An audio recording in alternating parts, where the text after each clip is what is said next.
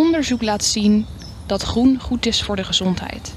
Als we natuur om ons heen hebben, ervaren we volgens onderzoekers minder stress, zijn we creatiever en werken we beter. Nu moeten we door de coronacrisis doseren en leren van achter een scherm. We zitten veel binnen, we werken veel binnen, we doseren en studeren veel binnen. Maar tegelijkertijd is onze drang om naar buiten te gaan wellicht nog nooit groter geweest dan nu. Mijn naam is Inge de Vries. Ik ben groenliefhebber en student geschiedenis en actualiteit aan de Radboud Universiteit. En ik vraag mij af, hoe heeft een groene campus invloed op ons onderwijs en op de manier waarop wij leren? Hoe leren wij buiten versus binnen? In dit gedeelte van de audiotour ga ik, via Zoom vanwege de lockdown, in gesprek met drie mensen over onderwijs op een groene campus. Met Marije Klomp, programmadirecteur duurzaamheid aan de RU, praat ik over het groenbeleid van bovenaf. Zij zet zich onder andere in voor biodiversiteit op de groene campus. De afgelopen jaren heeft een klankbordgroep bestaande uit onder andere docenten daar veel input in geleverd. Eh, en toen ik binnenkwam ben ik gaan kijken met die groep hoe kunnen we dit soort inzichten nou omzetten inderdaad in beleid en in een plan. Nu zijn we inderdaad op het punt dat er een uh, biodiversiteitsbeleid is opgesteld. Uh, en dat is dan echt getrokken door iemand uit Campus Facilities. Dat betekent niet dat we helemaal niet meer gaan bouwen en alles helemaal laten verwilderen. Dat is zeg maar het ene uiterste. Maar er staat wel echt in dat we ja, meer biodiversiteit willen creëren. Er staat ook in waarom we dat willen doen, hoe we daarin samenwerken met de wetenschap. Uh, en dat we bij nieuwe bouwbeslissing altijd zoveel mogelijk rekening houden met biodiversiteit. Een ander duurzaamheidsonderwerp is gezondheid of um, misschien ook wel het ja, herstellend vermogen hè, wat natuur kan hebben op de mens. En dat in ons geval is het dan op de mens, de student en de medewerker, die bij ons um, keihard met hun hoofd vooral de hele dag bezig zijn. Dus wij hebben heel erg, ja, heel intellectueel werk, heel erg met je hoofd, heel rationeel. Je zit als je niet oplet de hele dag in zaaltjes en ruimtes binnen, terwijl er zo'n mooie plek om je heen is. De campusstrategie die is vernieuwd vorig jaar. En dat is iets wat onder de hoede valt weer van Campus and Facilities. En daar staat het ook gewoon in dat wij een, een uh, gezonde, dat wij gezondheid willen bevorderen op de campus. Uh, en, en die groene campus wordt daarin genoemd met oog voor biodiversiteit. Die twee zijn heel erg verweven met elkaar, denk ik. Dus gezondheid van de mens en van de natuur. Nou, daarom schaar ik onder het thema uh, wij creëren een gezonde omgeving. Als ambitie in het duurzaamheidsprogramma zie je ook die gezondheid van de mens en de aarde in één uh, ambitie terug. Terwijl de RU haar beleid ontwikkelt, ben ik benieuwd hoe docenten dit ervaren. Met Bjorn Roobroek, universitair docent in wetland plantenecologie en biodiversiteit aan de RU, praat ik over zijn blik op de groene campus en zijn lespraktijk in de buitenlucht. Zover ik hier zie, zie ik drie bomen, een klein stukje grasveld en de rest uh, geparkeerde auto's. Oké. Okay. Jij denkt misschien dat kan beter. Ik ben eigenlijk niet, niet uh, ontevreden over, uh, over de campus bij de GU. Kijk, ik kijk nu ook naar buiten en dan zie ik een aantal bomen waar een aantal bijenhotels tegenaan staan. Dat is natuurlijk fantastisch. Dat zou zeker beter kunnen.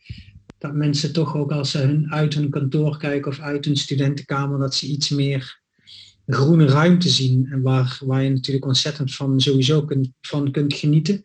Je merkt gelijk dat als je met studenten, um, zodra we de theorie behandeld hebben, wat natuurlijk al eigenlijk altijd, het is nu onontkomelijk om dat, uh, om dat in, een, in een klassikale omgeving te doen. Maar zodra wij met studenten naar buiten gaan, zie je ook die glimlach op het, uh, op het gezicht uh, verschijnen. Zodra je dat buiten laat zien, dan gaat die theorie leven. Je kunt, je kunt een grasveld beschrijven, maar je kunt er ook in gaan rondlopen. En dan zul je altijd zien dat, dat er dingetjes opvallen. Dat uh, sommige planten zijn groter dan andere planten. En als je, als je gewoon zo naar een grasveld kijkt, zie je, zie je, een, zie je een stuk groen. Ga je daar met je neus in liggen, dan zie je behalve dat groen, zie je allemaal verschillende planttypen, verschillende groeivormen. En dat kun je allemaal uitleggen waarom dat is dat moet je voelen en dat moet je ruiken en dat moet je beleven. Je moet je, ik zeg altijd, je moet je handen vies kunnen maken.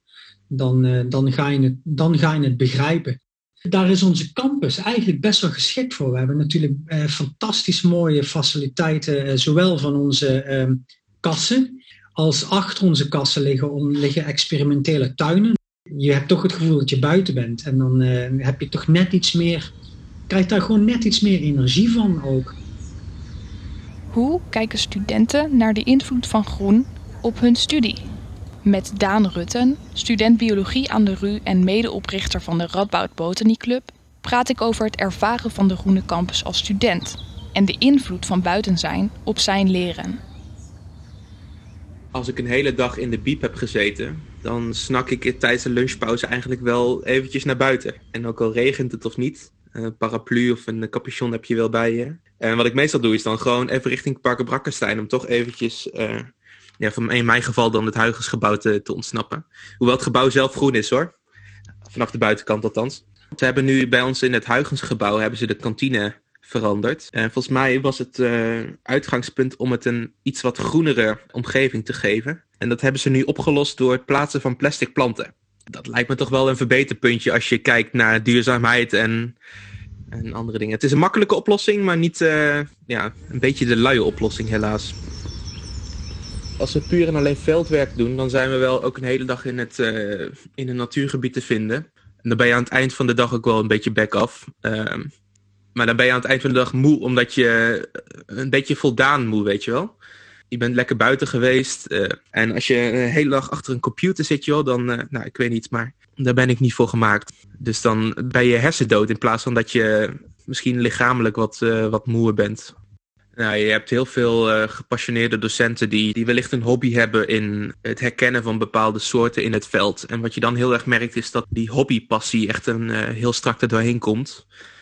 Sommige docenten hebben dat ook in colleges, maar als jij echt in het veld staat, dan, dan is dat nog tien keer zo groot, die passie. Als iemand super enthousiast staat te vertellen over wat voor, waarom iets er groeit of zo, dan blijft het toch veel sneller hangen dan een droog college die je hebt. Sommige docenten die gaan, gaan juist heel goed op colleges geven en die kunnen daar echt in eigen kwijt. Maar zodra ze het veld instappen, dan verandert het toch iets.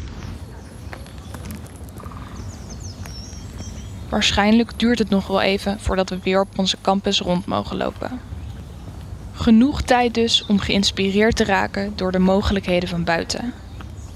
En de vraag te stellen aan jezelf: wat doe ik in mijn onderwijs eigenlijk met groen? En met buiten?